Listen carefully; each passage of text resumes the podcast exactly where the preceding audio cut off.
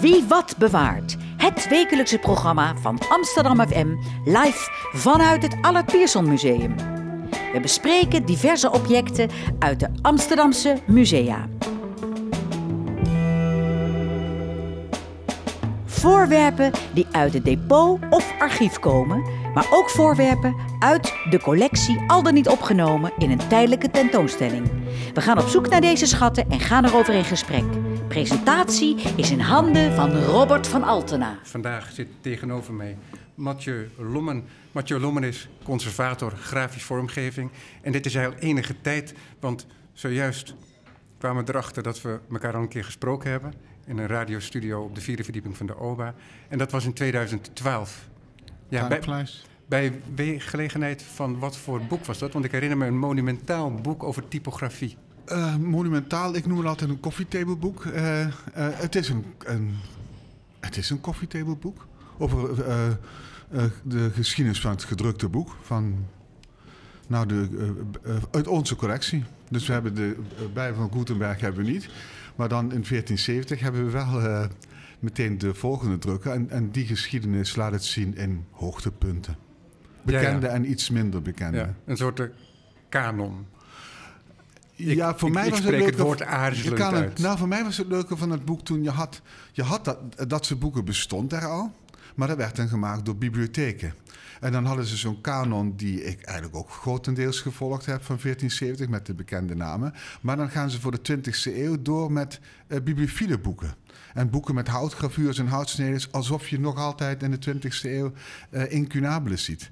En ik vond het leuk dan om uh, voor die 19e en 20e eeuw dat daar een, meer kunsthistorische en meer eigentijdse uh, kijk op te laten zien. Dus ik ga naar die periode 19e en 20e eeuw echt door met andere boeken dan Amerikaanse universiteitsbibliotheken in dat soort boeken laten zien. Maar betekent dat dat je ook meer de industrialisering laat zien? Ja. Dus ik, en ik ga eigenlijk alle stromingen zien, Art Nouveau, modernisme, postmodernisme. Dus, en en dat, is, dat was, zo'n boek bestond daar eigenlijk niet. En wat is de titel van het boek? Ik overval je er een, een beetje boek van mee, het gedrukte boek, volgens een boek van het gedrukte boek. Kijk. Volgens mij, ja. Een mooie postmoderne titel. Ja. Ja, Borgen zou er trots op zijn geweest. Ja. Mathieu Lommen, conservator grafisch vormgeving. We gaan elkaar vandaag spreken over uh, letterschrijvers, penseelschrijvers. Daar heb jij een stuk over geschreven, een paar jaar geleden nog. En jou leek het leuk om het daarover te hebben. En mij ook. Want ik weet er niks van. Maar we kennen allemaal nog wel wat restanten ervan. Ja. Al heb ik de indruk dat het ook weer een beetje terugkomt. Het schoonschrift op, uh, enorm, op, op, enorm op ramen. Terug, enorm nou, daar komen we over ja. te spreken. En afgelopen dinsdag was ik hier ook in het instituut. Omdat dat de opening was van Boek Manifest. Een mooie tentoonstelling van Irma Boom. Irma Boom een grafisch vormgever, boekontwerper, met wie jullie een hele nauwe relatie hebben, omdat er ooit het concept is bedacht van het levend archief. Arnon Grunberg zit ook in dat project als een persoon die gevolgd wordt ja. en waarvan bij leven al het archief wordt verzameld. Daar komen we over te spreken. Maar voordat we dat doen, wat is jouw traject geweest voordat je hier conservator grafisch vormgeving werd? Wat studeerde je bijvoorbeeld? Ik heb eigenlijk uh, Nederlands gestudeerd. En als je Nederlands studeert, hou je natuurlijk ook wel bezig met uh, uitgevers. En je houdt je ook wel bezig met uh, drukgeschiedenis. Als je een, een, editie bestudeert van een boek, dan is het ook belangrijk vaak om die drukgeschiedenis te weten. Welke correcties hebben er plaatsgevonden en contacten met drukkers. Dus dat zat wel ook een beetje bij mijn studie. Maar eigenlijk had ik ooit uh, kunstacademie willen doen. Dus ik had altijd ook wel heel veel belangstelling voor beeldende kunst ja, en toen ben ik opeens gevallen in die, uh, in die grafische vormgeving. Eigenlijk begon eigenlijk met die, uh, dat ik die, die, mijn lievelingspoëzie, dat, was de, dat waren de bundels van uh, Van Oorschot. En die waren toen nog beletterd door, die bundels lagen er ook nog van de jaren 50, ja, die kon je nog, nog allemaal kopen in de jaren 80. Die waren toen nog beletterd door Helmoet Salde. En dat is eigenlijk mijn, een, een leven lang mijn, een van mijn idolen gebleven. Ik sla ze nog regelmatig op. De, die van Oorschot delen waar je het over hebt. En waar ik bijvoorbeeld mijn, denk mijn Martinus Nijhoff ook in heb. Ja. Um, die hebben op die papieren omslag ja. een hele mooie, scherpe, uh, ja. cursieve letter met vrij scherpe um, serif. Hè, Expressief vaak, ja. En, maar wel heel schoon tegelijkertijd. Dus het is versierd en tegelijkertijd heeft het een soort, laten we zeggen, modernistische strakheid. Het is een combinatie van twee Ja. werelden. Ja, hij kwam eigenlijk uit het modernisme, die Salde. Dat was wel... eh, eh, eh, hij was opgeleid in Essen aan de Volkwangschule. En dat was een van zijn, lera- een van zijn leraren, was een belangrijke leraar, was een, een, een traditionele kalligraaf. En de andere leraar was Max Boergatz. En die Boergatz die was ook lid van de Ring Neue Werbegestalter, waar ook Piet Zwart lid van was. Dus dat, was een echte modernist. Dus hij zat eigenlijk, hij deed tradi- traditioneel kalligraferen op school, op de, Koens, de. Maar hij was ook de assistent van een internationaal bekende modernist. Dus het zat allebei wel, wel in hem. Hoewel die naderhand die van Oorschot dingen, die moesten natuurlijk lang meegaan, die, die, die boeken. Dus die, die, die moesten ook wat, eh, misschien wat traditionele ogen. Eh, dat was meer traditioneel werk misschien. Maar eh, die kant hebben wel altijd in hem gezeten. En dus jij komt dat als student Nederlands en als boekenlezer überhaupt Ja. kom je tegen. En als student Nederlands is het misschien meer van belang nog hè, naar een, een eerste druk en Ja. waar het gedrukt is. De geschiedenis van het, van het Ja. boek en van de publicatie van een geschrift ook. Maar je zegt, ja, opeens viel ik daarin, zei je net. Maar dat klinkt een beetje vaag nog. Is er een moment geweest waarop je besloot van nou misschien is dat een richting waarin ik me verder kan ontwikkelen. Dat weet ik niet. Nou, het is eigenlijk, eh, ik, ik, ik schreef ook. Dus ik ben toen ook een. een, een of, eh, heb ik ook met Salde een interview gedaan. was wel een, eh, een, een goede leerschool, moet ik zeggen. Was geen echt makkelijke man. Eh, Om te interviewen. nee, was een vrij emotionele eh, man. Dus om klare informatie te krijgen was lastig. Eh, ja, en het ging ook eigenlijk, het ging eigenlijk alleen om de oorlog. Ach, Daar kwam ja. eigenlijk alles op, eh, Ja. op, op neer. Maar hij was ook gewoon lastig, maar wel leuk. Eh, nou, ja, toen ben ik ermee. En, en eh, daarna ben ik me meer voor letters gaan interesseren eigenlijk. En ik kwam toen ook op de universiteitsbibliotheek om eh, letterproeven te raadplegen. Want ik, ik ja, toen... Want, want dat is echt een enorme stap. Hè? Want je hebt grafische vormgeving, daar ga ik ook helemaal in mee. En ook in de vorm van het boek, hoe een boek voelt en dat een boek open moet liggen. Hè, wat Irma Boom ook altijd heel erg benadrukt. En want als dat niet het geval is, dan ben je eigenlijk in gevecht met het boek... terwijl je probeert om je te concentreren op de inhoud. Dus het is niet alleen maar een soort schoonheidsbeleving... maar het is ook in praktisch gebruik Ja. van belang. Wat voor papieren wordt gebruikt, wat voor letter, hoe het is gedrukt. Maar die concentratie op de typografie en op de letter, die is zoveel specifieker en zoveel technischer. Dan eh, moet je zelf al een scherp oog hebben, denk ik. En dat is al een hele particuliere interesse. Hè? Omdat dat zo nauw komt op allerlei details. En dan heb je weer zo'n stap, hè, dat je van interesse, grafische vormgeving en het, en het boek het boek ontwerpen ook ongetwijfeld en de manier waarop een boek wordt gemaakt, dat je dan bij die typografie uitkomt. Het zijn natuurlijk ook de mensen die je tegenkomt. Hè? Als je eh, eh, dus van Salde, door Salde ben ik me voor dat eh, lettertekenen gaan interesseren en meer in gaan verdiepen. Toen ik hem interviewde, wist ik daar vrij, nou eigenlijk niks van af. En daarna kwam ik in contact en had ik voor datzelfde tijdschrift een interview gedaan met Bram de Does. En dat was eigenlijk wel de beste die je kon interviewen. Maar die omdat- ken ik niet. Bram Does is de ontwerper van twee eh, boekontwerper, maar ook de ontwerper van twee drukletters, de Trinité en de Lexicon. En dat zijn internationaal cultletters. En de Lexicon is bijvoorbeeld jarenlang, misschien nog wel, eh, de letter geweest van de NRC. En Does was eh, eh, Een razend... klassieke letter. Een klassieke letter, ja. Ja. Die Does was razend intelligent. Die, en die kon ook echt op alles een antwoord geven. Op ieder, dus eh, ik heb vrij snel mijn mening klaar. Maar hij was altijd, als je iets zei, oh dat vind ik niks, die letter. eh, waarom vind je dat dan niks? Vind je de Romein niks? Vind je de cursief niks? Vind je die in kleine groottes niks? Of vind je hem in grote? Op welk papier gedrukt vind je minder? Dus is een enorm analytische man. Ja, en daar leer je natuurlijk ook veel van. En van Irma Boom leer je wel eh, meer van het boek als object en dan beter naar te kijken. Dus ja, je leert wel van die mensen met wie je omgaat. Ja, ja. Maar dus jij zegt dat die typografie, als we zeggen, in detail op jouw pad kwam via die. Via Bram de Does, ja. En wat ging je daarmee doen toen?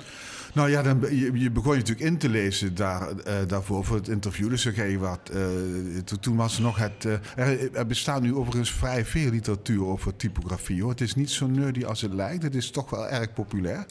Ook Ook voor een brede publiek bedoel Ja, letterontwerp. Ook Taschen heeft ook zo'n boek over, over letterproeven. Daar zijn er volgens mij ook honderdduizend van gedrukt. En ze wilden nog, nog meer volgens mij. Dus het is niet zo nerdy als je misschien zou denken. Er zijn ook vrij veel mensen internationaal die letters ontmaken. Professioneel, duizenden denk ik.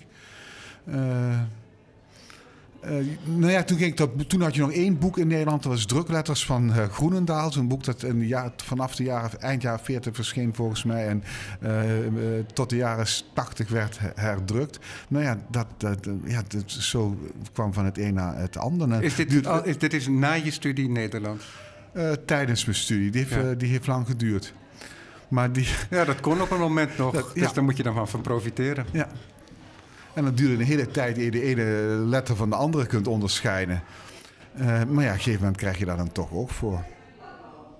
En dus dat heb je voortgezet naast je studie Nederlands. En wat ging je daarna doen? Nou, en ik, omdat mij dat dus ging interesseren en omdat ik daarna, eh, ik denk ook andere artikelen over schreef, eh, ging ik ook naar de universiteitsbibliotheek toe om die eh, grote collecties die ze daar hadden te raadplegen. En er kwamen toen nog niet veel mensen voor, en nu wel. Ik heb bijvoorbeeld nu een, op de zaal een Griekse onderzoeker zitten, die, eh, omdat we blijkbaar ook een hele grote collectie op Grieks hebben, die daar een paar dagen zit om eh, onderzoek te doen naar de Griekse drukletter. Maar toen kwamen er vrij weinig mensen voor. En toen ze die eh, letterproeven, die catalogie van drukletters wilden catalogis- catalogiseren, vroegen ze dat mij. En toen heb ik drie jaar lang dus alleen letterproeven. eh, maar dan komen ze niet zomaar bij je terecht. nou ja, omdat ik de enige klant kennen. was die ervoor voor Ja, kwam. ja. Dus eh, eh, ze dachten, iemand moet dat nu gaan catalogiseren. Wie kunnen we dat vragen? En ik kwam daarvoor als, als klant. En als je dat drie jaar lang doet, alleen naar letters kijkt... Naar die, nou, dat deformeert natuurlijk wat. Maar daar heb ik natuurlijk wel veel van geleerd. Ja, dat begrijp ik. Ja. Ja. En je zegt dat die aandacht voor de letter, voor de typografie, het letterontwerp, dat dat heel erg veranderd is in de loop der jaren. Want wat je nu aangeeft is ook dat er meer publieke interesse voor is. Nou, iedereen heeft nu eh, Word en kijkt uit lettertypes en kijkt naar regelafstand. Ja, dat en, is waar. eh, dus eh, dat, dat is ook al iets. Ja, als je, een, als je een stuk gaat schrijven, dan kun je elke keer een eigen lettertype kiezen uit zo'n 200 letters volgens mij. Ik weet niet hoeveel Ja, er wordt er aangeboden in steeds Word. bij. Microsoft biedt nieuwe letters aan. Google ontwikkelt steeds nieuwe letters die je, die je, die je kunt downloaden. Ja, maar dat zijn ook weer andere letters, hè? omdat het eh, vaak ook schermletters zijn. Ja, dat klopt. Dus er is ook een, technische, eh, een technisch gegeven hoe dat de letter zich eh, v- verandert. Want een schermletter is natuurlijk weer iets anders dan een letter eh, die je in- in de krant leest. Of eh, heel klein of heel groot. Ja. Ja, En, dus, en dat leidde ook tot een aanstelling, een vaste aanstelling bij de universiteit, of niet? Even nadenken. Eh, ja, ja, uiteindelijk ben ik toen adjunct-conservator ge- geworden. We hebben natuurlijk heel veel op dat gebied. En er is eh, vaak, soms liggen collecties iets, omdat iemand zich daar dan minder mee bezighoudt. Het is natuurlijk het is de grootste bibliotheek van Nederland. 4 miljoen banden, dus er is vrij veel. Eh, maar we hadden ook in 1971 hadden wij de bibliotheek van Tetrode ge- gekocht. En Tetrode was, ja, de, de alle Amsterdammers kennen het bedrijf natuurlijk wel. En aan de Bilderdijkstraat. Ja, dat is nu een, eh, een, eh, een kunstenaarscomplex Ja. al heel lang. ja. Die hebben volgens mij vorig jaar of twee jaar geleden een jubileum gevierd. Ja. Ehm, maar Tetrode was dus een, een handelaar in, in eh, lode drukletters, maar ook in eh, druk, eh, drukpersen. Ik denk ze daar het meeste nog mee verdienden. Ehm, maar die hadden een... Ja, er is een presentatie in de zaal naast ons. Dus er is kennelijk iets moois, eh, wordt daar gevierd. Dus vandaar het applaus dat eh, door het gesprek heen komt. Eh, nee, het is niet voor mij, dat is nu duidelijk. Maar er werkten ooit duizend mensen bij uh, Tetrode. Dus dat was een economisch zeer goed lopend bedrijf. Maar het stamde uit het midden van de 19e eeuw. Dus die hadden vanaf het midden van de 19e eeuw literatuur verzameld. In de jaren 1913 begonnen die een typografische bibliotheek. als een soort prestige op, op, op object. En dat is ja, dat is een, een, eigenlijk een, een hele grote uh, collectie geworden. En toen wij die kochten, ja, toen was er wel een, een, een, Dan veranderde ook een beetje het gezicht van de bibliotheek daardoor. Ja, ja want dan krijg je echt een enorme ja. invasie van, Nou, uh, van een bepaald bedrijf. Heeft dat dan ook een specifiek karakter? wat er bij Tetrode vandaan komt? Uh, was. een. nou ja, ze hadden natuurlijk heel veel. Uh, ze verkochten letterproeven, dus ze hadden ook heel veel. Uh, dat deden ze al sinds 1851, dus ze hadden heel veel van concurrenten ook. Een hele mooie grote collectie letterproeven. dat is vrij zeldzaam en ook vaak vrij kostbaar materiaal. dus dat was een, een, en dat was denk ik zo'n meter of 90 aan letterproeven. Dus dat, dat, dat, is, een groot, dat, dat, is echt, dat is echt veel. En ze hadden natuurlijk veel op het gebied van druktechniek, dus drukkershandboeken. Maar ze hadden ook eigenlijk alle tijdschriften uh, die, die vanaf de midden 19e eeuw, Duitse, Amerikaanse, alle vaktijdschriften, die, die, die zitten er ook in. En bijzonder vormgegeven boeken verzamelden ze ook. Maar ze wilden natuurlijk ook een, een, typografische bibliotheek zijn, dus dat je, je weet ook dat alles er wel in zat. Uh, er moet een blauw atlasje in gezeten hebben, al konden ze zich misschien ook geen hele sets permitteren, maar alles zat erin om een representatief beeld te geven van de geschiedenis van ja, het dat, boek en van dat de was meer dan alleen maar een uh, praktisch project voor het bedrijf. Het klinkt ook alsof er echt een verzamelliefde aan verbonden zat. Ja, en ook prestige, denk ik. Ze, kijk, dus hun concurrent uh, in het begin van de 20e eeuw was nog drukkerij en lettergieterij Enschede. En die hadden natuurlijk het prestige van een historisch bedrijf. Uh, vanaf de 18e eeuw. En die hadden ook zo'n uh, zo'n zo'n bibliotheek. Dus ik denk dat dat er ook een beetje bij zat. Het was een, toen nog een prestige iets. Als iemand een drukpers kan, kwam kopen, dan kon ze die uh, door de drukkerij, door de bibliotheek rondleiden. Dat, bij de voorname firma ja. Tetterode. Ja, precies. Ik stelde die vraag ook omdat um, over de eigenheid van die collectie. Omdat boekdrukkunst is per definitie grensoverschrijdend. Want het maakt dat er iets in grotere oplagen ja. gemaakt kan worden. Vroeger de handgeschreven boek, boeken. En op een gegeven moment kon dat vermenigvuldigd worden. En waardoor het ook sneller kon reizen. Maar waardoor ook informatie sneller kon reizen. Want er werden op een gegeven moment ook pamfletten gedrukt. Ja. Pamfletten die bij uitstek dingen zijn, uh, drukwerk is met een tijdelijk gebruik, die gemakkelijk verdwijnen die komen af en toe weer op omdat ze gebruikt zijn in boekbanden, heb ik ooit geleerd ja. van uh, een collega van je. Maar ook al bestaat dan de mogelijkheid tot een soort internationalisering, vraag ik me toch af of er um, iets, een typische Nederlandse typografische cultuur bestaat. Of heeft bestaan.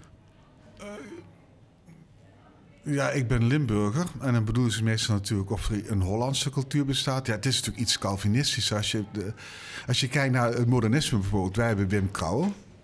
Ik weet niet of je daar dingen bij beelden kunt bij, bijhalen. Ja, een, een hele grote en belangrijke ontwerper, waar ik een groot fan van, van ben. Maar als je het vergelijkt met het buitenlandse modernisme, dan is dat toch wat strakker dan wat Italianen maakten.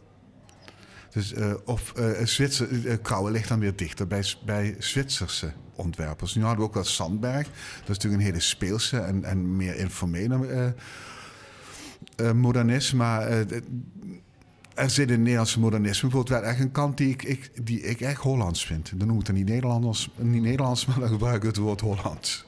Ja, ja vanuit het Limburgse bekeken ben je het centrum van de Duitse en de Nederlandstalige en misschien zelfs wel de Franstalige wereld. uh, ja, maar als Limburg zet je nog altijd ermee dat uh, Nederland met Holland verwacht wordt. En dan krijg je uh, heel Holland bakt en denk: oké, wat doet de rest van Nederland dan? Wat doet Groningen dan? En Friesland bakken die niet. Maar het is dus ook gewoon aanvaard dat die term Holland, mensen hebben er geen moeite mee, dat die gebruikt wordt voor de rest van Nederland. of Nederland en zijn strijd tegen het water. Denk, dat is dus Holland. Kijk, als je het woord Holland wil gebruiken, gebruik het dan. Holland en zijn strijd tegen het water. Maar je wordt gewoon de, die, die, die, dat belang van die provincies Holland is, dat begrijp ik ook wel, is economisch en cultureel zo belangrijk. Maar ja, Nederland is natuurlijk meer dan de Randstad. Ik denk dat er ook wel meer meespeelt natuurlijk, want die liefde van jou voor letterontwerp, dat verraadt natuurlijk ook de karaktertrek dat je ook wel van het nauwkeurige en het specifieke houdt, stel ik me voor. Ja, ik ben wel vrij precies, denk ik. Ja, ja. Ja, ja, bij typografie. Ja, bij typografie in... ik schreef ooit in een stuk uh, bij, typo, bij dat letterontwerpen. Het gaat om uh, millimeters. En toen corrigeerde Bram de Does mij. En die zei om tienden van millimeters. En als je, daar gaat het. Kijk, als je, een, als je een lettertekening maakt en er zit een boog in. Dan gaat, het, dan gaat het om tienden van millimeters. Ja, en vroeger ging dat allemaal met het potlood. Tegenwoordig vaak op de computer. Ja, ja, Ik heb er wel eens bij gezeten hoe een uh, typograaf uh, letters met ja, letters aan het toveren was, met het Ja. aanpassen en zijn overwegingen liet zien welke kanten hij al niet uit kon en wat voor consequenties dat zou hebben als je het hele alfabet bij elkaar kunt zien, want je kunt je concentreren op één letter. Maar alle letters moeten goed bij elkaar gaan. Dat, dat, is de, ja, dat, dat is de crux. Maar er wordt dan nog wel veel getekend ook hoor. Ja? Eh, Ja, misschien een schetsfase dan, dan, dan eerst. Maar bijvoorbeeld in Den Haag heb je een, een masteropleiding Type Media bij de Koninklijke Academie. En dat, dat gaat toch echt uit van het eh, schrijven en het, ja, van het schrijven met brede en spitse pen en ook van het tekenen. En daarna ga je natuurlijk in een bepaald stadium ga je natuurlijk wel digitaal verder werken. Maar het is wel belangrijk dat je begrijpt welk gereedschap er aan eh, iets ten grondslag ligt. ja. Hey, wat doe, wat, waar bestaat jouw werk uit hier als conservator typografie? Eh, ik, heb, een, eh, ik, ik hou alles in eh, OneNote bij. En in OneNote heb ik vier mapjes daarvoor. Het mapje acquisitie, eh mapje presentatie, een mapje ontsluiting en een mapje dan regulier. Dus eh, het begint natuurlijk met eh, de acquisities, het, het, het, verwerven van archieven. Dat is een vrij eh, tijdrovend project. Natuurlijk wel steeds lastig, omdat we natuurlijk toch met ruimtegebrek eh, zitten. Maar ook het, een, archief verwerven is ook een grote investering natuurlijk in het beschrijven van het archief. Ompakken, eh, eh, passief conserveren. En, en veel instellingen willen het niet meer doen om die reden, omdat het zo arbeidsintensief is. En daarnaast is het vrij arbeidsintensief in het beschikbaar stellen als iemand komt. Eh, dus ons, ontsluiting is dan beschrijvingen maken van archieven, wat ik gedeeltelijk ook doe. Eh, een presentatie, dan vat ik dan Maar dat- en alles... dat kun je op verschillende manieren doen. Dat kun je heel nauwkeurig doen. Ja. Hè, Dat er een hele studie van gemaakt wordt. Maar dat kan ook heel zakelijk gebeuren, stel ik me voor. Ja, je hebt zo'n. Je, je hebt eigenlijk eh, wij werken nu met, met, met, een, met een standaard. En je wil, als je een archief binnenkrijgt, wil je natuurlijk dingen weten als. eh, eh, van wie, natuurlijk van wie is het archief? eh, hoe uitgebreid is dat? Zijn er dingen ooit verdwenen? Eh, waar, zijn vergelijkbare waar zijn instellingen die vergelijkbaar materiaal hebben? Hoe is het archief in, eh, in grote lijnen samengesteld? Dus dat, niveau. Daarna heb je natuurlijk dat je op op mapniveau gaat beschrijven. één map met 15 letterontwerpen, periode 18. En je kunt nog op, op, op itemniveau, dat je ieder afzonderlijk stuk ook, ook, ook beschrijft. Dus ik doe meestal wel die, die algemene beschrijving. Ik ook schrijf wanneer is het binnengekomen en eh, hoe om. Dus dat je het in ieder geval heel snel kunt. eh, we willen natuurlijk dat mensen het heel snel kunnen gebruiken. We willen niet dingen jarenlang ergens staan zonder dat iemand weet dat we die hebben. Ja, Ja. want anders dan is het alleen maar voor de toekomst. Ja, En je probeert ook in het heden te functioneren. Ja, we willen natuurlijk dingen. Vroeger was het lastig. Er lagen dingen wel eens opgeborgen 20, 30 jaar geleden van bijna niemand wist dat we ze hadden. Maar dat, eh, dus, eh, er wordt nu enorm, door enorm veel collega's gewerkt om alle collecties eh, in ieder geval op het hoogste niveau te beschrijven, zodat een klant, een bezoeker kan zien wat we hebben en dat ook kan aanvragen. Is jouw werk heel erg veranderd? Want ehm Allard Pierson heet het tegenwoordig. Enige tijd geleden heette het Allard Pierson Museum en Bijzondere Collecties. Die hybriditeit bestaat er nog steeds, hè? want we hebben een oudheidkundig museum en we hebben de boekcollectie, maar niet alleen een boekcollectie, maar ook een theatercollectie en dergelijke. Dat moet ook consequenties hebben voor, voor jouw werk, denk ik. Ja, dus- ook omdat het veel nadrukkelijker ook een publieksinstituut is. Ja, die, die professionele, professionalisering van de, eh, van, van de presentatiekant, van die, eh, ook van, met name van de ten, eh, tentoonstellingen, dat is natuurlijk heel erg leuk, maar het vergt natuurlijk ook veel meer tijd. Vroeger, in twintig jaar geleden, aan, aan het zingen, werd, legde je zelf boeken in een vitrine en dat was, kwam, kwam meestal niet eens een ontwerper bij, denk ik. En nu is het natuurlijk wel, wel, proberen we dat natuurlijk op een eh, erg hoog niveau te doen. Ja, ja want dat is een, een hele nieuwe vaardigheid. En ook bovendien uitzonderlijk moeilijk. Hè, het presenteren van het boek en typografie.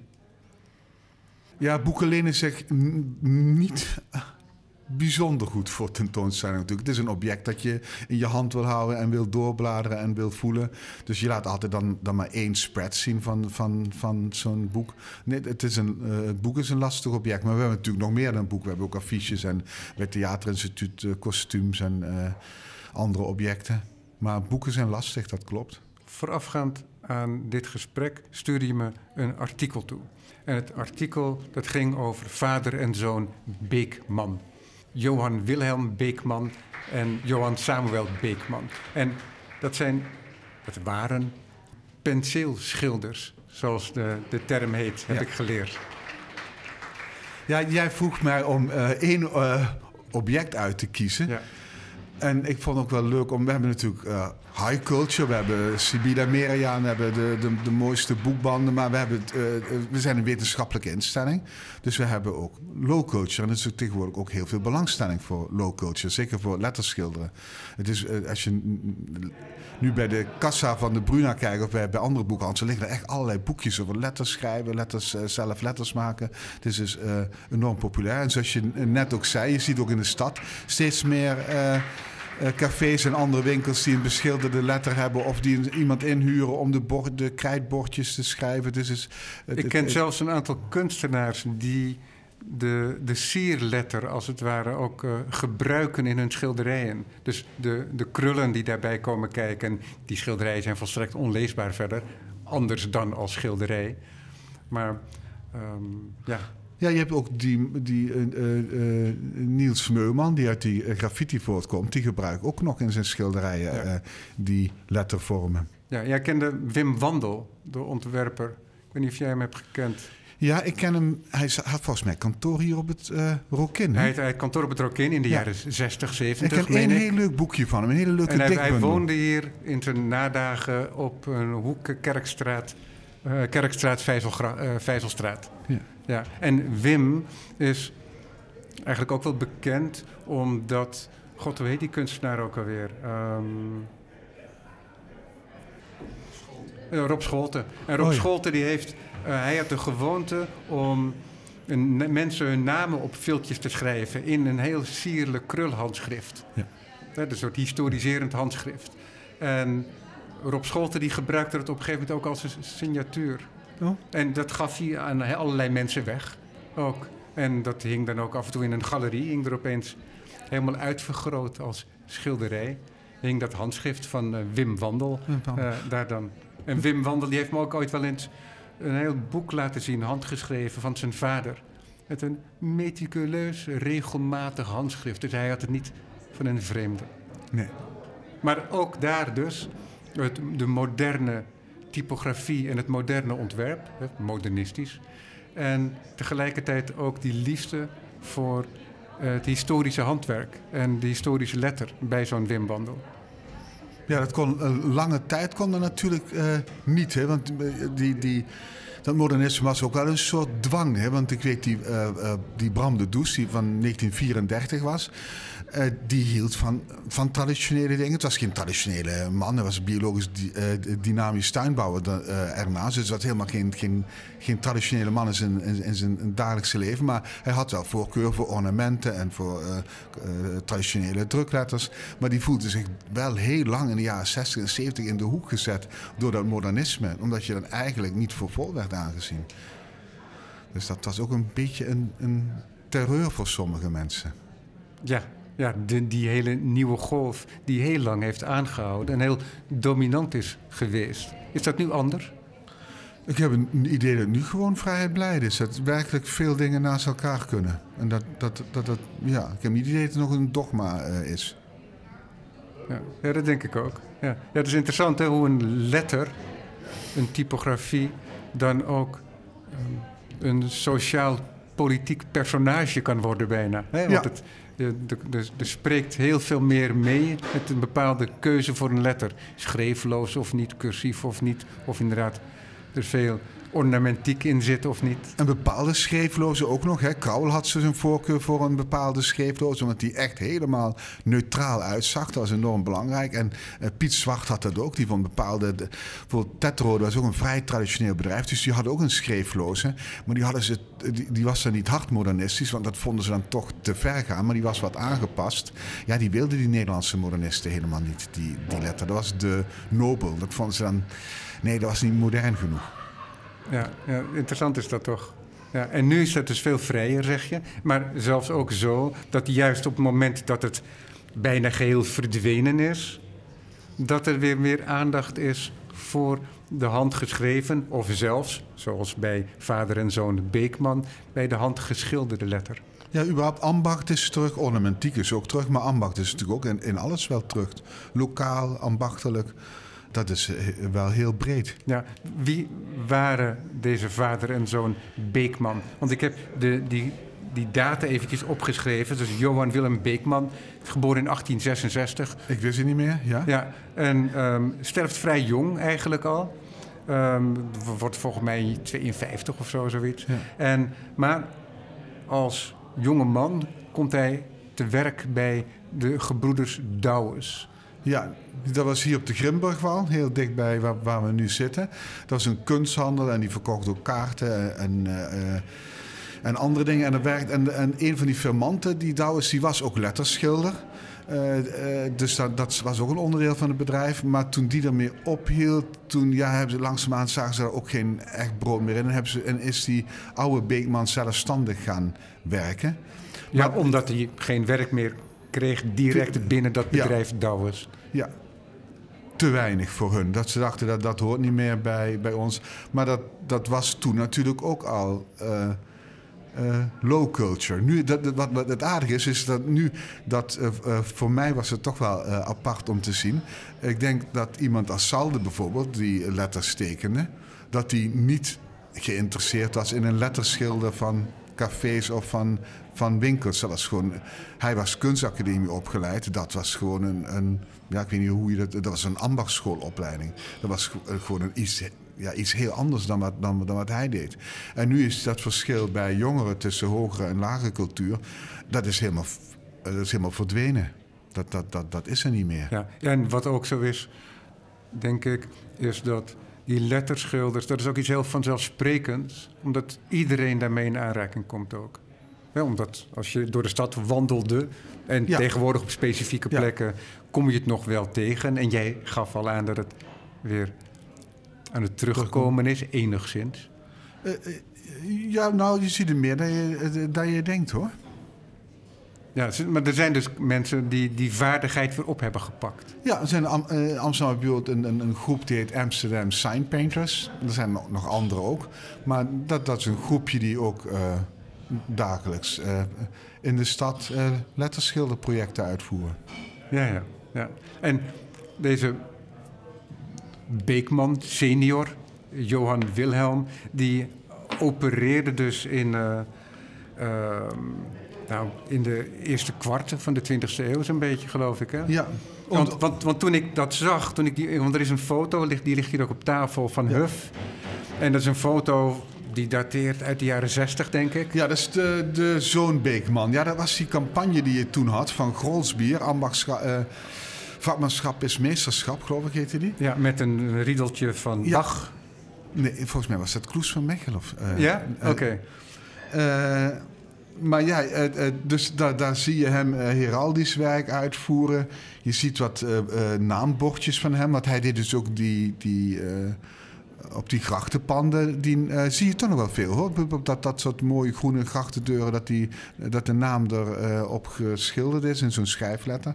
Dus dat, dat deed hij ook. Maar hij deed eigenlijk alles van ja, hij voelde zich voor, denk voor niets te goed. Dat was van. Uh, voor brieven niet bellen. Dat was nog een tijdje populair, volgens mij ook in de jaren dertig. Dat, je dat, dat, dat je dat op je deur liet schilderen. Want blijkbaar belde. Oh, die ken ik niet. Ja, ja. Voor, voor, heeft hij veel gedaan. Voor brieven niet bellen. Uh, of hij deed ook bijvoorbeeld. Voor bij, een kleine fooi. Nee, dat deed niet voor je. Maar ik denk misschien dat de postbode het handig vond om de bel even in te drukken. Want er is een brief voor jou. Ja, op die manier. En mensen die daar dan geen behoefte aan hadden. Ja, die... en je had, vroeger had je natuurlijk ook meerdere bezorgingen op een dag. Ja. En dan kreeg je iedere keer die bel. Dus je liet dat speciaal in een nette letter eh, eh, eh, erop schrijven. Maar Heb hij- jij een handgeschreven letter op je deur? Eh, nee, maar ik woon ook in Nieuw-West. Dat zou ook een beetje eh, te veel van het goede zijn. Als ik een grachtenpand had, zou ik het wel leuk vinden. Vind dat er wel bij. Ja. Eh, maar dit is ook, eh, hij had dus een, die, die, die zoon is een meester wat in het archief zit. eh, die, die, Maar die heeft ook, ook- want toen ik, die, toen ik dat stuk zag, dacht ik aanvankelijk, oh, dat is een hele dynastie aan, eh, aan letterschilders. Maar vader en zoon, en dat komt omdat zoon heel lang heeft doorgewerkt. Ja, Waardoor het zo'n lange periode bestrekt. dat klopt. Ja, echt, het, het archief is van eh 1907 of zoiets, tot 1968. Maar, wat maakte dat jij over hen een artikel wilde schrijven? Want er zullen meerdere van deze penseelschrijvers, letterschrijvers, letterpenselers Ja. zijn geweest. Eh, eh, Leuk was, de, zij waren wel de top. Dat doet er ook nog niet helemaal toe voor mij. Maar eh, leuk is, wa- was ook voor mij toen ik dat archief vond, dat het een heel mooi archief is. Eh, het is een heel compleet archief. Het is een, een, een archief, een, echt een onderzoeksarchief. Daar zit echt een complete administratie in. Ja, je hebt, het hier, je Ja. hebt hier zo'n ehm, zo'n zo'n werkboek. Heb je hier in gekopieerde vorm op tafel liggen. Een prachtig handschrift. Keurig handschrift, ja. Mooie, mooie cursief. Maar het leuke van die archieven zijn natuurlijk. eh, Als je een archief verwerft, eh, eh, wil je ook weten hoe, hoe compleet is dat archief en hoe interessant is dat archief voor onderzoek. Wat kun je ermee? En dit is echt een heel mooi archief, omdat, die, die, eh, omdat ze iedere opdracht bijhielden. Ze schreven eh, op eh, voor wie, ze wat, wie de opdrachtgever was, wat ze geschreven hadden, vaak met een klein schetsje erbij, hoe lang ze eraan gewerkt hebben, wat ze ervoor gevraagd hebben, soms ook nog welke verf ze gebruikt hebben. Dus je kunt echt de hele dagelijkse gang over decennia lang van een letterschilder kun je reconstrueren. Waardoor je de praktijk, maar Ja. ook, laten we zeggen, de sociaal-historische omgeving Ja. kan reconstrueren. Ja, dus ik, eh, ik, eh, ik, ik vraag me af of er andere archieven zijn die zo uitgebreid zijn. Misschien internationaal niet eens. Ik denk dat vrij, eh, eh, eh, vrij zeldzaam is. En natuurlijk toch ja, dan geweldig dat je het zo kunt eh, reconstrueren. Ja, ik had die pagina uitgezocht van één blad. Dat staat op één blad is van 1947. En daar staat boven G.W. Scheers en Zoon. Dat was een, een, een groot Amsterdam schildersbedrijf. En als die een, een opdracht kregen bijvoorbeeld voor het schilderen van het eh, Rijksmuseum... eh, dan, eh, en er, moest iets, eh, er moesten letters ergens ook komen... dan hadden zij niet een superspecialist in dienst. En dan vroegen ze dat aan Beekman, die dat een opdracht voor hun doet. Dus op één bladzijde staat hier dat hij voor Scheers... eh, voor het Rijksmuseum heeft gedaan. eh, voor, tentoonstelling in het Rijksmuseum op twee borden met bruin rondleidingen dagelijks, inlichtingen boven. En dan nog een bord met inlichtingen. En ook op een ruitje in spiegelschrift reproducties. Hij schrijft ook bij hoeveel boekjes eh, bladgoud hij gebruikt heeft, hoe lang hij er gewerkt heeft. En die laatste opdracht 21 uur en dat was 64 euro. En ook op hetzelfde blad, ook voor Scheers, vind ik erg leuk. Guldens Heeft waarschijnlijk. Guldens, ja, sorry, Guldens. Heeft hij het eh, Theater de la Mar gedaan, eh, toen nog nieuw. En daar deed hij dus echt alles in. Dus op eh, opschriften, op deuren, tweemaal dames en eenmaal heren. Eenmaal heren en eenmaal verboden toegang. Verboden te roken of vuur te hebben. En eh, geen toegang voor publiek en in de zaal niet roken. En nog eens niet roken. En dan op, echt, op acht bordjes elk twee nummers voor de vestiaire. En aan de kassa het bordje kassa en de prijzen. En eh, boven de deuren met rood eh, Theater de la Mar. Op de gevel Theater de la Mar. Heeft hij ook een voorbeeldje in wat voor letter die gebru- gebruikt heeft. Eh, dus dat- was een, een, ja. En hij heeft ook nog volgens mij de sterretjes op, op het plafond gedaan. Dus dat hele de la Mar van, eh, van, gevelbelettering van- ja. tot, eh, tot toiletdeur. Dat was 178,50. Ja. Ja, het is wel interessant omdat 60 je, omdat, omdat je er bijna verlekkerd in leest. Omdat je het heel leuk vindt, denk ik, om op een bepaalde manier heel dichtbij te, ko- te komen. Maar ik, die indruk van die precisie en dat het volledig eh, te boek stellen van die werkzaamheden, die stel je ook zeer op prijs. Want je zit met een glimlach zit je dit voor te lezen. Eh, ja, ja, ik schreef omdat ik ook, ja, ik vind het ook geweldig dat, je, dat, je, dat het zo gedocumenteerd staat. En dat je dat zo gedetailleerd kunt terugvinden. Ja, Eh, ja, en dat, ja, daarom vind ik het een, een geweldig leuk archief. Kijk, eh, Ja. die, toen ik om dat Ja, archief... de dan- geest van die historicus is jou ook niet vreemd. Nee, want toen ik die, bij die zoon kwam, eh, bij die kleinzoon is eigenlijk van, van, van de eerste, die dacht dat ik vooral geïnteresseerd was, en dat vond ik ook heel leuk, in die bordjes en priktekeningen en andere dingen. Ja, priktekeningen waren dan voorbereidende tekeningen op eh, één op één formaat, zodat die op een groot object, bijvoorbeeld op auto's, op, op flanken van auto's, met, met do- doorgeprikt waren, zodat je de contour kon aangeven, waardoor je daarna die lijnen kon volgen en uitzetten. Ja, en als je natuurlijk van Altena op een grachtdeur zette en die deur werd na vijf jaar herschilderd, dan had je misschien dat bordje van Altena nog en dan kon je dat opnieuw doorstuiven met krijt en dan kon je het weer eh, gebruiken. Dus dat was ook nog eh, te hergebruiken. dan. Ja, ja, dat is ook van praktische zaak. ja. Ja, ja. En, en dan als we dan een overstap maken naar onze huidige tijd. Het boek is herhaaldelijk ten dode opgeschreven geweest. schrift, het- het- als we, het als handschrift we, ook, als we hè? luide stemmen moesten Ja. horen met de opkomst van het digitale. Irma Boom, die heeft in haar carrière daar iets tegenover geprobeerd te zetten. Namelijk een nadruk op in het ontwerp op het fysieke boek, op het boek als object. Er is nu in Allard Pierson een eh, nieuwe tentoonstelling van haar, want er is vaker eh, werk van haar tentoongesteld geweest. En dat is Book Manifest, het boek Manifest. Zij heeft voor de Engelse titel gekomen. Ik denk dat haar dat ook goed gelegen komt, omdat in haar eigen naam ook een dubbel O zit. Ja. En ehm, dat kon ze niet laten liggen, denk ik dan.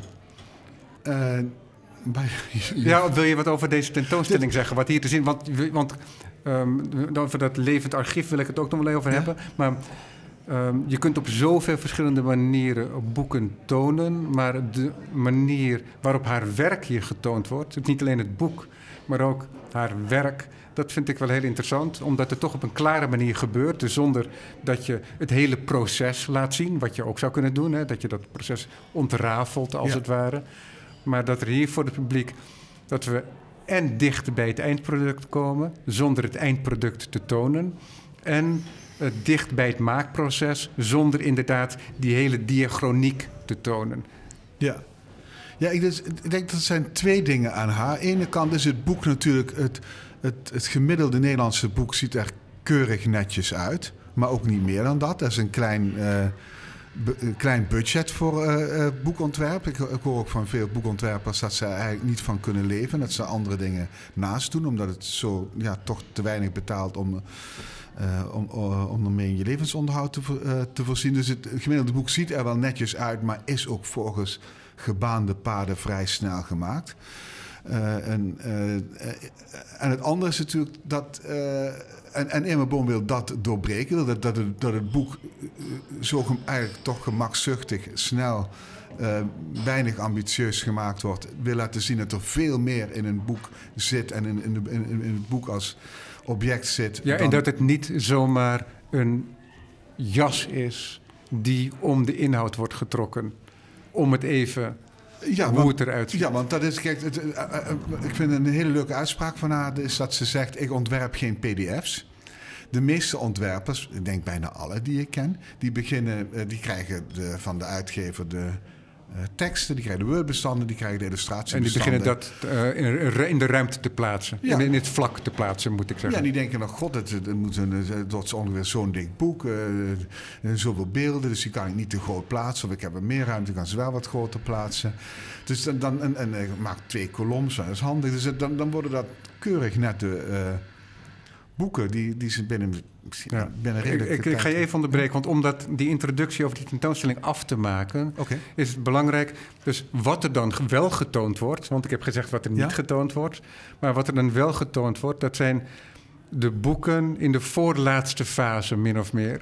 Ja, En dat laten zien dus het ontwerp met alle rafeltjes, want ze zijn nog niet perfect ingebonden en dergelijke. We zien bijvoorbeeld een ehm, prachtige serie, ehm, het Kelly-boek, wat ze gemaakt Ja. heeft, eh, Irma Boom, voor eh, Galerie Sleeuwen. Maar we zien ook bijvoorbeeld het boek Zonder Inkt Het Ja. boek wat ze voor Chanel heeft gemaakt. En Chanel is ook een parfumhuis. Dus Irma Boom die heeft gedacht om een boek te maken... wat alleen maar uit preges bestaat. En wat nou heel mooi is, dat is een wit boek. Dus je zou kunnen zeggen, ja, er valt niet zoveel aan te zien... en misschien heel veel aan te voeren ook. Maar de platen die gebruikt zijn om die preges te bewerkstelligen... die zijn daar tentoongesteld. En die daarentegen, anders, geheel anders dan het eindproduct... hebben prachtige kleuren ook. En ja, dat ziet er geweldig uit. Ja. En dat is iets wat wij anders nooit zouden Nee. zien. Maar bij andere ontwerpers bestaat dus, dit dus ook niet. Die hebben die, die, die, hebben die fysieke verkenning, eh, eh, die hebben ze niet. Ze hebben gewoon een pdf gemaakt. En als ze een pdf klaar hebben, eh, dan eh, gaan ze een papier uitzoeken. Of de uitgever zegt welk, eh, hoeveel geld het mag kosten voor het papier of, wa- of wat er is. En daarna kan het gebrocheerd of gebonden worden. En, dus die hebben die hele, die hele verkennende fysieke fase, hebben andere ontwerpers helemaal niet. Dus, dat, dus het is een bijzondere tentoonstelling van haar. Maar hij is ook alleen maar met, met, met haar te maken. Omdat zij, zij wil dus een, een, een boek.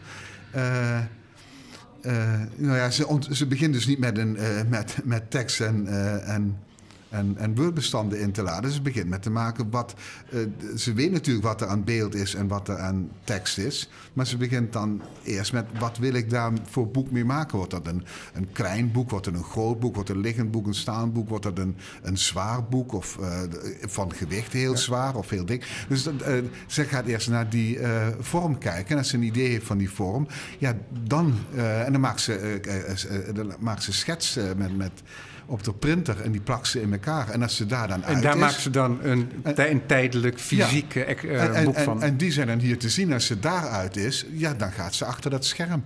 Dus waar het bij de andere mee begint, is bij haar de eindfase. Ja, ja, en wat denk ik ook wel belangrijk is om op te merken, dat zullen andere ontwerpers ook wel doen, maar ik vind het bij haar altijd heel erg opvallend. Maar dat hangt dan ook samen met dat objectmatige in haar werkproces, is dat zij ook probeert om vanuit de inhoud van het boek ehm, de, de vorm te denken.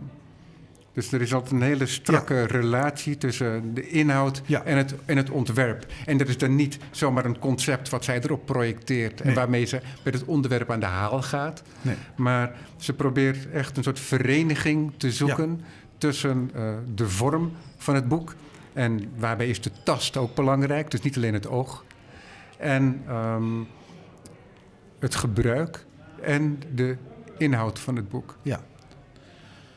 Nee, zij, zij, eh, zij, eh, je- ziet wel eens dat iets door een ander overgenomen wordt. Bijvoorbeeld dat eh, Sheila Hicks boek met die rafelige kanten. Ja, ja dat, is een, dat is een boek voor een textielkunstenaar... die soms ook hele dikke, kleine weefsels maakt Ja. en dergelijke.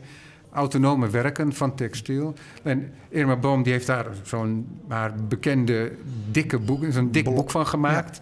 Maar die heeft op allerlei manieren geprobeerd... om die textiel en dat wol om dat, en het grove weefsel om dat na te maken in het boek. En het boek, zou je kunnen zeggen, staat daar volledig tegenover. Omdat dat plat is en scherp gekant. En toen heeft zij met vrij radicale experimenten... met cirkelzagen en wat al niet meer...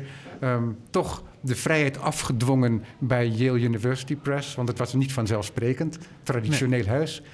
En dat zorgt voor een hele mooie, wat katoenwollige Ja. eh, snede. Het is geen, nauwelijks nog een snede. Ja, nee, het, is het klopt. Dat heb je heel goed gezegd. Het is eigenlijk, het is, eh, bij, het is, geen, eh, bij, het is niet meer gesneden. Het is Maar- ook een maar- groot succes, hè? Want Ja. dit boek dat is al eh, Vier, vijf heel keer, vaak herdrukt. zes keer volgens hoewel het een heel moeilijk boek is om te produceren. Ja. Maar daar gaat ze dan helemaal voor natuurlijk. Dat is het ook. Je moet ook, eh, ook wat voor over hebben. Dus ze heeft daar ook heel veel eh, inspanning voor over om dat eh, zo voor elkaar te krijgen. Maar je zou het ook niet inderdaad, dat, dat, dat zou ze niet meer voor een ander boek gebruiken nu. Dat past alleen bij dat boek. Ja, het is geen Dus trucje het wat je geen, zomaar weer nee, verhuist nee, naar nee, een ander project. trucje. Ze heeft natuurlijk wel ook daarnaast volgens mij dingen in haar hoofd die ze graag zou willen doen. Maar dan wacht ze op dat onderwerp. Dat ze zegt, oh, nu kan ik dit... nu heb ik een onderwerp waarbij ik dat wil gebruiken. Dus, ze heeft ook wel dingen liggen, denk ik, wat ze nog wil maken. Maar dan, ja, dan wacht ze wel echt op tot, een, tot er een onderwerp voorbij komt waar het bij past. Ik vind een van de beste boeken eigenlijk. Toen moest ik echt lachen dat ik dacht, waarbij het eigenlijk lag omdat ik dacht, waarbij het ook ongelooflijk goed. dat was een boek voor, uh, nou, vijf jaar geleden voor de, uh, die, die Olafsson, die Zweedse kunstenaar. Uh, en die uh, Olafsvoer Eliasson. En daar zit in een van haar lievelingsboeken, uit, de jaren 60, dat heeft een glanzend wit papier, het heeft pakpapier en het heeft folies. En dit boek heeft ook die glans, heeft ook wit papier, pakpapier en folies. Maar zijn eigenlijk nog veel beter toegepast in haar, dan in haar lievelingsboek. Want die tentoonstelling, uh, daar ging het ook om uh, dat... Uh, ja, ik heb die tentoonstelling niet zelf gezien, maar uit het boek... dat je met ik denk met plexiglas krijg je, uh, en, en, en die uh, vier, kleuren, uh, vier kleuren te gebruiken, waar die kleuren zich gaan mengen als je geel door blauw. en, ja, als je ze op verschillende manieren ja, achter elkaar ziet. ziet ja. En dat zit in het boek ook. Dus als je door het boek gaat, is het alsof je soms in die tentoonstelling verdwijnt. Maar dat komt ook tegelijkertijd weer heel dicht bij hele elementaire druktechnieken. Ja, dat, dat klopt. Maar dit is dus, dat boek is zo goed dat je als je die afbeeldingen van de tentoonstelling in het boek ziet en die folies die ze dan gebruikt, dan lijkt het net alsof je in die, opeens in die tentoonstelling gaat. Het is, uh, ja, het, ik heb zelden eigenlijk een boek gezien waar zo één op één het onderwerp en de vorm zo goed met elkaar Samenkomen. verweven zijn. Ja. ja. Het, is, het moet een groot plezier zijn om dat bij te wonen. Net het aanwassen van dat archief. Want een archief wast aan omdat er toevallig nog een collectie wordt gevonden of een exemplaar ergens. Maar in dit geval is het een ontwerper die actief is, zeer actief zelfs, hè, in binnen- en buitenland. En ze werkt ook heel gestaag door. Ja. Een furieus tempo, tempo zou je bijna kunnen zeggen. On, ongelooflijk. Uh, ja, je, als je met haar een project doet, dan ben je blij dat je van eraf bent. Dan, het, is, het is twee, drie maanden bij te houden. Maar daarna ben je blij dat je weer uh, in een normaal, normaal menselijk tempo door Ja, want er was even gaan. de mogelijkheid dat we elkaar zouden spreken hier ook. En dat ik met jullie beiden aan tafel zou zitten. Maar er is ook een tentoonstelling het voorbereiden in Rome. Ja. En waardoor dat niet lukte. Maar misschien een andere keer, ongetwijfeld een andere keer. Want ja. deze gesprekken die vinden wekelijks plaats. En zij heeft toch een bijzondere positie, ook in deze collectie, in het hedendaagse van, van jullie collectie. En dan tot slot zou je nog iets kunnen toelichten over het idee van het levend archief? Want dat is denk ik zo'n twaalf jaar geleden begonnen. Ik denk ja, kijk, het voordeel van een levend archief is natuurlijk... je bent een universiteitsbibliotheek, dus je wil niet alleen dingen... Uh, je wil mensen uh, materiaal bieden om onderzoek naar te doen. Dus je wil niet alleen materiaal hebben dat 40 jaar oud is. Dus als je een levend archief hebt, betekent dus dat je vrij, ook vrij recent materiaal kunt bestuderen. Ja, maar het is bijna een contradictio in termini, een levend archief. Toch? Dat is, het, dat is het spel wat daar wordt gespeeld, waar je bewust van bent als je dat doet. Uh, andere mensen, andere, uh, ja, dan ben, je, dan ben je misschien bewuster van je archiefvorming. Maar het is natuurlijk ook zo dat veel mensen die op oude leeftijd hun archief doorgaan, dat ook opschonen. En ook alles eruit halen wat hun niet welgevallig is. Dus een archief is al, moet je altijd met enige argwaan uh, bekijken. Een ander voordeel is natuurlijk dat je, uh, uh, dat je als instelling beter een idee hebt wat interessant zou zijn om te bewaren. Vaak dan de uh, archiefvormer zelf. Die is vaak geneigd om dingen belangrijk te vinden die, die jij ook belangrijk vindt, maar andere dingen waarvan je denkt, dus hier die, die administratie die ik van die Beekman heb, ik kan me voorstellen dat die zoon dacht, ja, maar die bordjes zijn belangrijk en, die, en het echte werk en dit is alleen maar administratie, terwijl ik eigenlijk de administratie interessanter vind, omdat die zeldzamer is dan de, uh, dan de werken zelf. Een kunstenaar zal natuurlijk altijd zijn eindwerk het belangrijkste vinden. Uh, dus, dus, en dan, dan kun je dus nu bij haar, hebben we ook al gezegd, het je kunt natuurlijk niet alles van alle projecten bewaren. Dat is bijna niet te doen. Maar dan, dan is het interessant om op wisselende project, projecten in te zetten. En die wisselende projecten dan vrij compleet te bewaren. En niet alleen de leuke dingen bijvoorbeeld. Zodat iemand echt ook. Uh, onderzoek kan doen naar de ontstaansgeschiedenis van een boek. En als je dat dus bij een levend archief doet, heb je groter de kans dat dingen dan zo bewaard blijven. Ja, ik begrijp het. Mathieu Lomme, we zijn aan het einde van het uur beland. Ja, we spreken elkaar ongetwijfeld nog, want deze serie blijft doorlopen. Ik vond het een uh, groot plezier om met je te spreken. Dankjewel. Dank voor het luisteren. Dit was, uh, Bedankt voor de uitnodiging. wat bewaard techniek was in handen van Abel Iping.